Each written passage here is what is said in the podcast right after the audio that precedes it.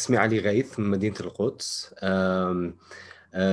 خلينا نقول دارس هندسة جينات. وكملت ماسترز في الموضوع لكن الصحافة جذبتني لطريقها وارتقيت إنه أدخل في هذا المجال أكثر وأتوغل فيه. آه، وخلينا أقول تنقلت في مجال الصحافة والإعلام بعدة آه، بعدة مداخل لها آه، حبيت الصحافة المكتوبة بعدين انتقلت شوي للصحافة المرئية.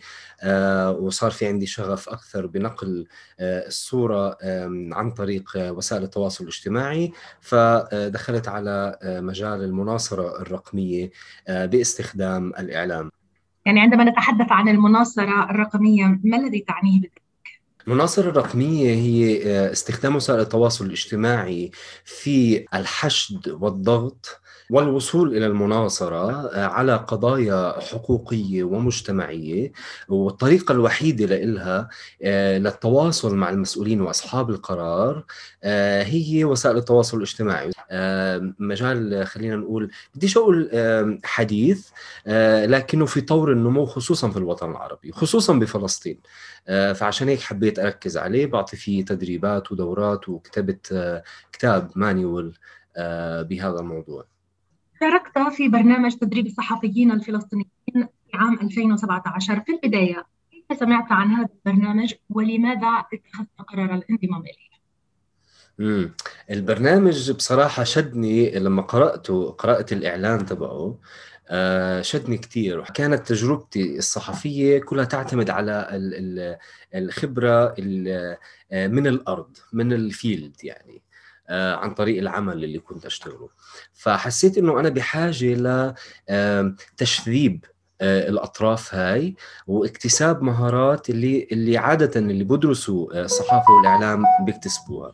فبالتالي أول ما شفت الفرصة هاي حسيت إنه يعني إشي بصراحة آه، جذبني. قلت مع الأمم المتحدة آه، حابب أعرف أكثر عن الأمم المتحدة.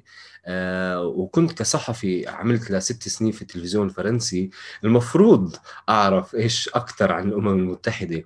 لكن لقيت إنه هذه بوابة لإلي اللي أشوف وأفهم خلينا نقول المداخل والمذاهب والأفكار اللي موجودة في هذا المبنى اللي عم بتأثر على العالم آه، وبتأثر كمان على القضية الفلسطينية. بعتت ال application وبعدين وصلني إنه ال acceptance وكانت كثير بصراحة شيء انبسطت عليه يعني آه، يمكن أكثر مرة بقدم على fellowship أو أو تجربة هيك وبنبسط كثير بإنه آه لا راح أروح وأتعرف أكثر آه وأكتسب مهارات. يعني جزء من هذا التدريب طبعا الحضور إلى نيويورك و الاطلاع على الأمم المتحدة عن قرب. صف لي يومك في آه، التدريب. يعني آه، ماذا كنتم تفعلون؟ كيف آه، كان برنامجكم أثناء هذا علي ما هي نصيحتك لمن يود الانضمام إلى برنامج تدريب الصحفي؟ النصيحة الأولى بقول لهم قدموا يعني لازم تقدموا آه اللي بيشوف في حاله ال خلينا نقول الشغف للمعرفة وطبعا هذا لازم يكون موجود عند الصحفيين آه، الشغف للمعرفة آه، الفضول لمعرفه آه، كيف الإعلام الغربي بيشتغل اللي عنده واللي عندها طبعا. حب المعرفة ل القضية الفلسطينية من وجهة نظر أخرى أو من مكان آخر آه، واللي حابب يطور نفسه من ناحية مهارات ومعارف واللي حابب كمان ينتقل لمرحلة مرحلة ثانية في آه، السلم الوظيفي تبعه لازم يقدم على هذا البرنامج لأنه أكثر من ستة أسابيع في آه، نيويورك في مقر الأمم المتحدة وعمالكم بتقابلوا ناس وبتروح على منشآت إعلامية وتكتسبوا مهارات لا الموضوع كثير أكبر من هيك يعني آه، يعني بيروح لمكان تاني في بناء الشخصية وتشذيبها ووضعها في آه، في مسار آه، صحيح. فأنا يمكن نصيحتي للي للي مش قادر يجمع هاي المقومات أو لاقيها مش مش ظابطة له أو إلها فما يقدم على البرنامج.